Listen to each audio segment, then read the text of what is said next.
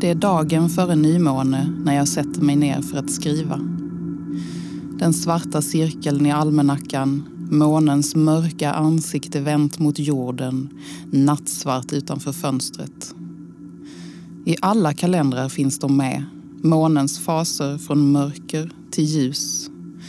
Dagens namn, helgdagar, geografi, samhällsfakta. Sånt som ofta fanns förtecknat i fickalmanackor förr och som varit en del av kalenderns karaktär ända sedan antiken.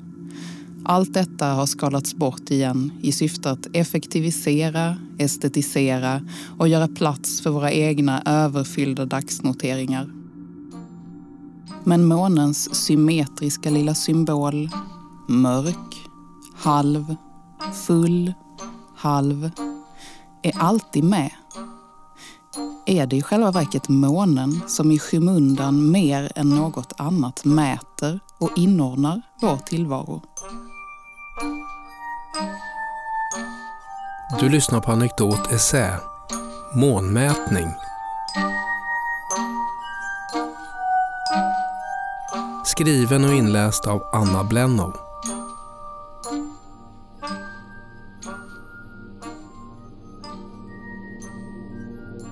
Man tror att månen från början var en del av jorden som slets loss då en annan planet, Theia, ungefär lika stor som Mars, krockade med jorden för ungefär 4,5 miljarder år sedan. Månens ålder har kunnat bestämmas genom radioaktiva analyser av stenar som samlats in vid månexpeditioner. I månens tidigaste tillvaro roterade jorden mycket snabbare än idag vilket gjorde att ett dygn bara varade omkring fem timmar. Månen befann sig också betydligt närmare jorden. Idag är den runt 40 gånger längre bort från oss. Och då var tidvattenskrafterna också mycket större än idag. De som gjorde att månens och jordens rotation bromsades, att månen avlägsnade sig och att den till sist slutade rotera runt sin egen axel. Månen avlägsnar sig fortfarande, men mycket långsamt, fyra centimeter om året. Också jorden kommer till slut att upphöra att rotera och vända ständigt samma sida mot solen.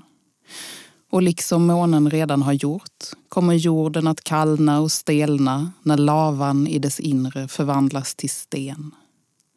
På så sätt blir månens livslopp till en förutsägelse om jorden. Att månen egentligen är en del av jorden men sakta försvinner allt längre bort förklarar kanske varför vi människor känner så starkt för den. Månen är en frånvarande förälder, en onåbar idol, den perfekta projektionsytan för hemlängtan. Que mostrabas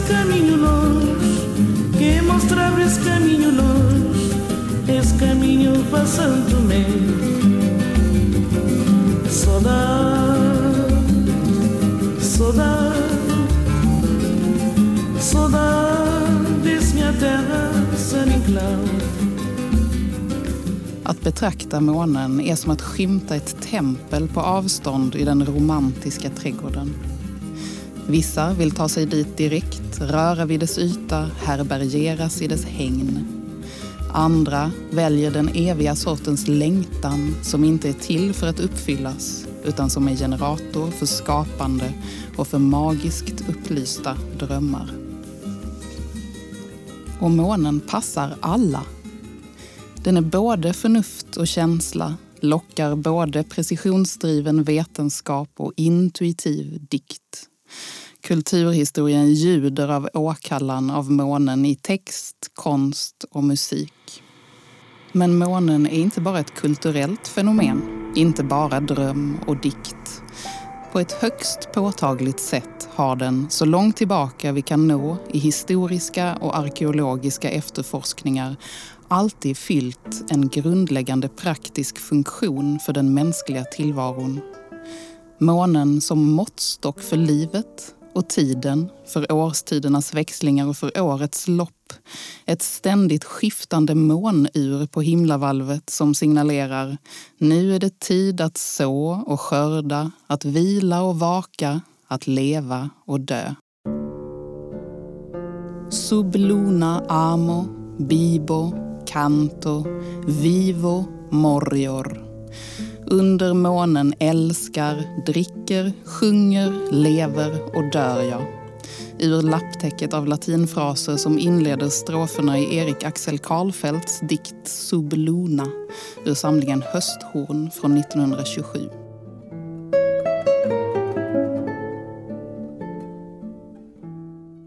Karlfeldt är inte ensam. Historien är full av vittnesbörd i form av text, tro och praktik, konst och kultur. Vittnesbörd om att månen är det som i grunden mäter hela vår existens. Från antiken hittar vi några av de äldsta textkällorna om människan under månens välde. Verket De Bello Gallico om det galliska kriget är en skildring av Roms nio år långa krig för att erövra Gallien författad av fältherren själv, Julius Caesar. Förutom minutiösa beskrivningar av truppförflyttningar och sammandrabbningar innehåller skildringen också glimtar av geografisk och etnografisk information. Gallernas seder och bruk, deras samhälle och religion visar sig lika välkända för Caesar som deras floder, skogar och städer. Det är naturligtvis stor självpropaganda men rymmer också unika fakta. Enligt Caesar menar gallerna själva att de härstammar från den underjordiska guden Dis Pater och att de därför anger tidslängd genom att räkna nätter istället för dagar. Födelsedagar och början på månader och år anger de på så vis att dagen följer efter natten. Men vilken gud det egentligen var gallerna syftade på är inte säkert. Dis Pater var en romersk gud och Caesar gjorde här en så kallad interpretatio romana, det vill säga tolkade fenomen i främmande kulturer med sin egen referensram som förklaringsmodell. Om germanerna berättar den romerske historieskrivaren Tacitus ett drygt sekel senare något liknande. Förutom i nödsituationer sammanträder de ledande i det germanska samhället bara på vissa särskilda dagar. Antingen vid nymåne eller fullmåne. Cum aut in coator luna aut impletur. De mest gynnsamma tidpunkterna för nya åtaganden. De mäter inte tiden genom att räkna dagar utan nätter och natten anses styra dagen.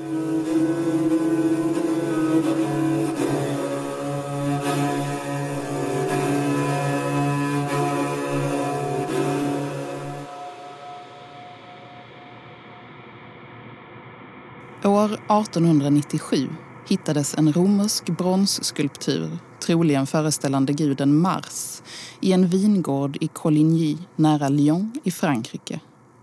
Men tillsammans med den fann man också något mycket mer märkligt. 153 fragment av en stor bronstavla med måtten en och en halv gånger 1 meter.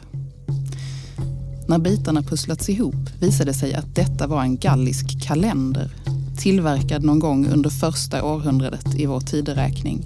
Skriven med latinska bokstäver men på galliskt språk.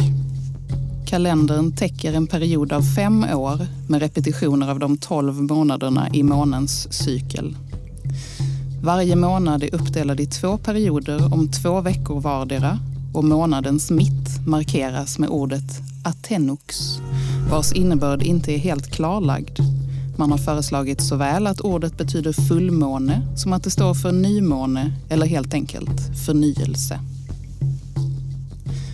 Hur avancerad den galliska kalendern i själva verket var började man inte förstå förrän långt senare, på 1980-talet, när forskare för första gången kunde använda en dator för att processa kalenderns komplexa struktur. Coligny-kalendern gjorde det möjligt för de galliska druiderna att förutse månens och solens positioner med nästan exakt precision för flera sekler framåt i tiden genom att helt enkelt flytta runt en liten metallplugg i kalenderns utstansade hål. Deras månkalender var minst lika avancerad som den gregorianska solkalender vi använder idag i modifierad form. Månkalendrar har också använts på andra platser. I antikens Grekland hade varje stadsstat sin egen kalender, ofta i flera olika varianter baserade på månens cykel. I kalendrarna inleddes varje månad med nymåne och delades in i tre perioder på ungefär tio dagar vardera. Tilltagande måne, fullmåne och avtagande måne. Kalendrarna användes bland annat för att avgöra när olika festivaler skulle hållas eller när skörden skulle inledas, allt anpassat efter månens faser. De olympiska spelen inföll till exempel kring fullmåne en viss tid efter sommarsolståndet. Också den romerska kalendern bär spår av att ursprungligen ha varit en månkalender. Den har tre huvuddagar varje månad. Kalendai, första dagen i månaden. Nonai, den femte eller sjunde dagen i månaden. Och Idus, den trettonde eller femtonde dagen. Dessa dagar har troligen förknippats med nymånen, halvmånen och fullmånen. Kalendaidagen var helgad åt gudinnan Juno som har månen som en av sina symboliska domäner.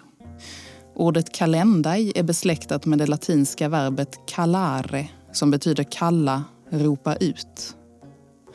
Den romerske författaren Marcus Terentius Varro skriver i sitt verk De lingua latina att prästerna denna dag högtidligt annonserade på Kapitolium om månadens nonai inföll på den femte eller sjunde dagen samtidigt som de anropade Juno Covella, Juno som var ihålig, precis som den nya månen.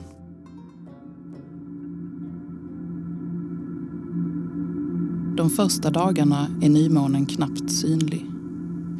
Den följer solen tätt i spåren i sin sluttande bana över himlavalvet och går ner så nära den att det starka solnedgångsljuset suddar ut den tunna skäran.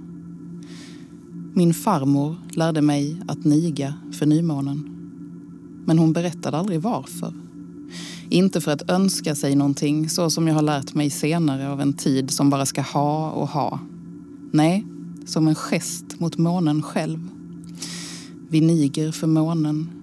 Jag minns henne bredvid mig i skymningen. Hennes fötter i yllestrumpor och trätofflor. Den gröna anoraken, den röda toppluvan. Våra knän böjs samtidigt, tre gånger. Håller hon mig i handen?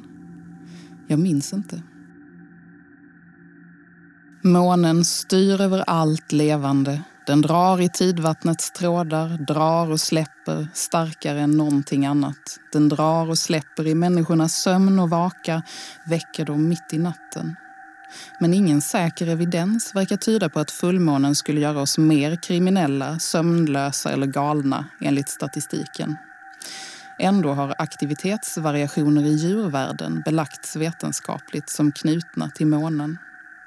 Det tycks framförallt vara månens ljus som påverkar snarare än någon vagt magisk kraft. För inte bara solen utan också månen påverkar dygnsrytmen, framförallt hos havslevande djur. Koraller fortplantar sig bara vid fullmåne tack vare ljuskänsliga neuroner och särskilt månanpassade reproduktionsgener. Månen underlättar också navigeringen för djur som lever i anslutning till havet. Detta har man studerat beträffande till exempel laxar och albatrosser. Inom den biodynamiska odlingen som introducerades av Rudolf Steiner på 1920-talet i samband med utvecklingen av den antroposofiska läran läggs också stor vikt vid månens faser. Utgångspunkten är månens förmåga att påverka vattnet i jorden och saven i växterna. Runt nymåne ska man så grödor som producerar externa frön och där bladen och skälken används som sallad, spenat och kål. Senare under månens tilltagande och som bäst två dagar före fullmåne ska växter sås som bär frö inuti sig själva och där det är frukten man äter. Tomater, bönor och pumpa. Både månens dragningskraft och dess ljus anses gynna tillväxten av blad och stammar. Men månens inverkan på odling har observerats i långt äldre tider än så. Romarnas uppfattning om vilka perioder i måncykeln som var gynnsamma för lantbrukets olika sysslor tycks ha varit mycket omsorgsfullt utmejslad. De författare som utförligt behandlar jordbruk i sina verk Cato den äldre i De Agricultura, Plinius den äldre i Naturalis Historia, Columella i De Re Rustica skriver alla mycket detaljerat om månfasernas förutsättningar för odling och djurhållning. Linser bör sås när månen är i tilltagande medan bönor ska sättas vid fullmåne. Fruktträd och vin bör planteras när månen är i nedan. Alla typer av beskärning, liksom trädfällning, ska göras när månen är i avtagande och det är också då man ska gödsla marken. Och råd om att odla i samklang med månens faser dyker också upp i de bondepraktikor som börjar spridas från 1500-talet och framåt. Den äldsta tryckta upplagan, Bauernpraktik, gavs ut i Tyskland 1508 och tyska och danska versioner blev så småningom förlaga för den svenska bondepraktikan som började tryckas i mitten av 1600-talet.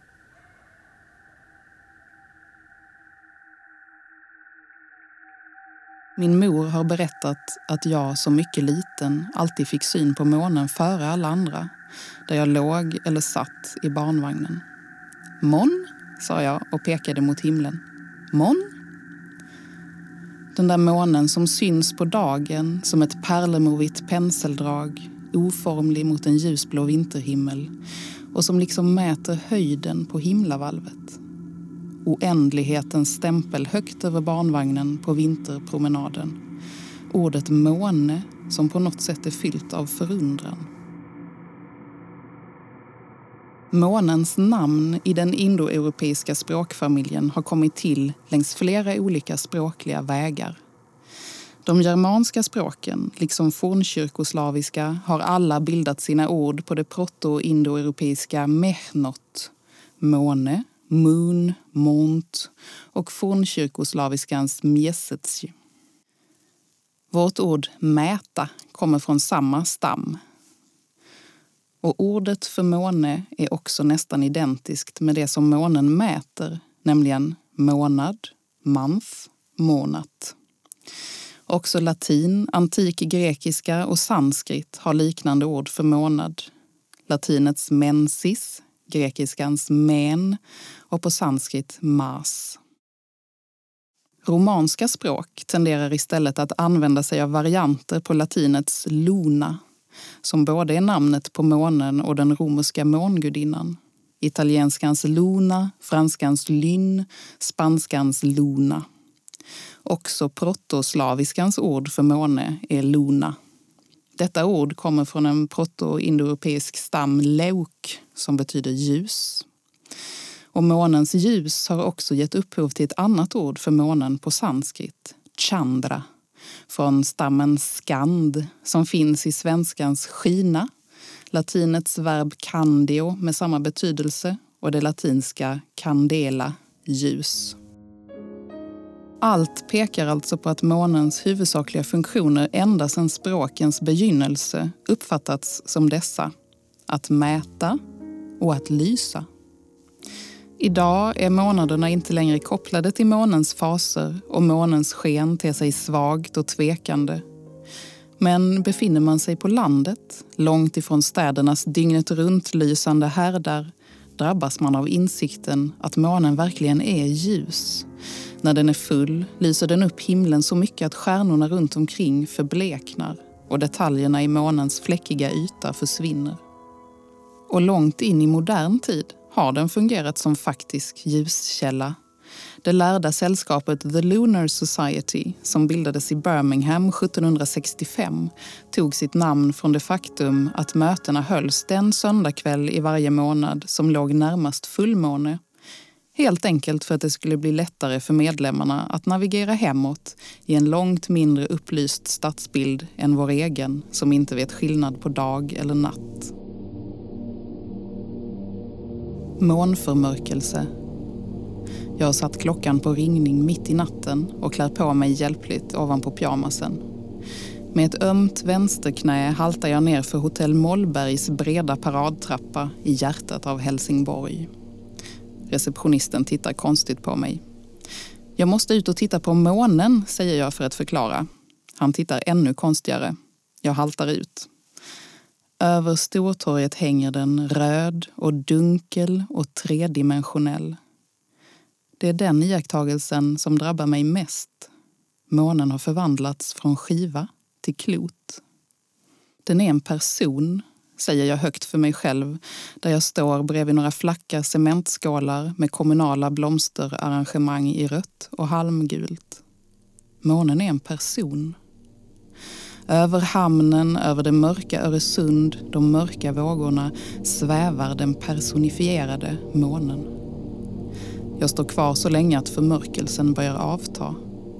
Månen återtar sin vanliga, opersonligt tvådimensionella form. Antikens uppfattning och upplevelse av månen var inte bara den tekniska i form av mått och ljus. Månen var en person, en gudinna vars funktioner och ansvarsområden var nära förknippade med himlakroppens praktiska egenskaper. Den romerska Luna och den grekiska motsvarigheten Selene har båda namn som härrör från ord för ljus. På Palatinen i Rom fanns enligt Varro ett måntempel som kallades Noctiluca, nattljus, för att, som han kryptiskt skriver, templet lyser på natten. Inga andra textkällor eller arkeologiska lämningar av templet är bevarade.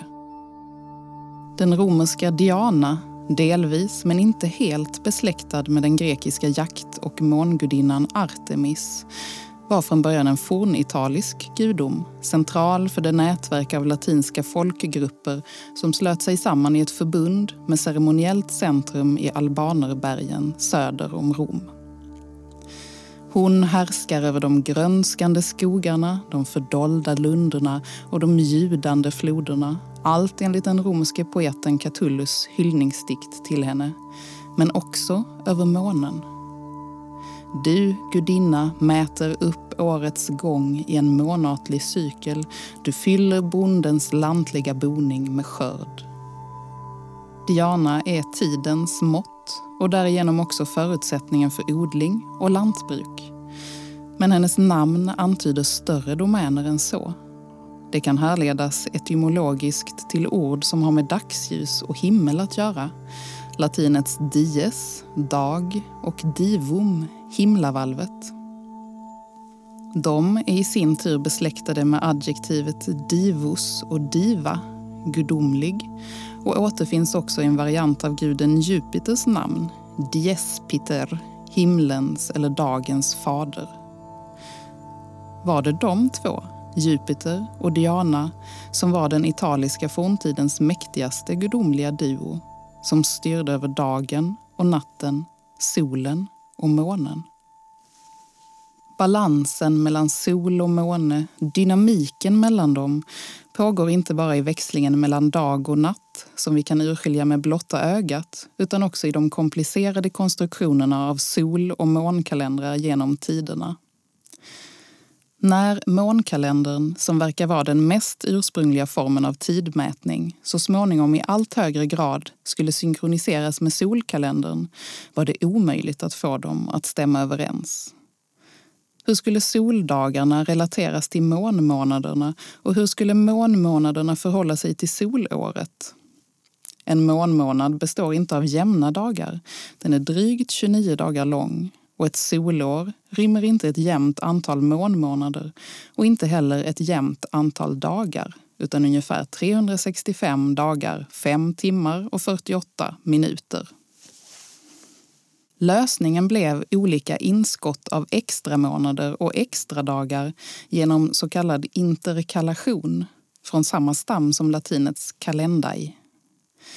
I den gregorianska kalendern är skottdagen i februari vart fjärde år ett sådant tillägg. Men ingenting är konstant i kosmos. Solåret blir sakta allt kortare med nästan en minut per sekel och dagarna ökar omkring en millisekund per sekel. Förr eller senare kommer det alltså att bli nödvändigt att korrigera kalendern igen. På samma sätt kommer månens långsamma avfärd från jorden oändligt sakta att förändra den nästan kusligt märkliga ekvation som möjliggör att vi från vår jordhorisont kan uppleva total solförmörkelse. Att månen, som är mycket mindre än solen, ändå så perfekt kan dölja hela solskivan beror på att den är 400 gånger mindre än solen medan solen just nu befinner sig exakt 400 gånger längre bort från jorden i universum. Solen och månen är från vår synvinkel lika stora när de går om varandra över himlavalvet på grund av denna matematiska slump. Är den bleka månen, beslöjad syster till den allt förbländande solen, i själva verket den mäktigare av de två. Utan månens balanserande dragningskraft skulle jorden bli så ostabil i sin bana att klimatet skulle pendla okontrollerat mellan öken och istid. Tänk om livet aldrig skulle ha blivit till på jorden om den inte fått månen som följeslagare. Är det alltså månen och inte solen som egentligen är förutsättningen för livet? Månen är inte bara avlägsen, bortvänd och kyligt enslig. När den tonar bort i nedan överger den oss inte utan återvänder i en blinkning och visar löftesrikt sitt lysande ansikte. Och ögonblicket då nymånen uppenbarar sig i början av varje månmånad har varit centralt så länge människan riktat blicken mot himlavalvet för att mäta tiden och bruka jorden.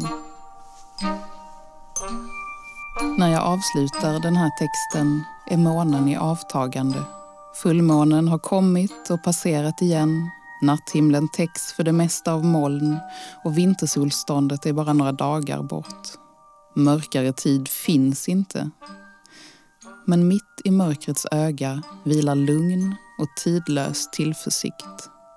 O fortuna velut luna statu variabilis Ödet är liksom månen ständigt skiftande till sin natur. Månens flöde av förändring speglar livets förändring. Nymånens skära kommer att bli synlig igen över fälten.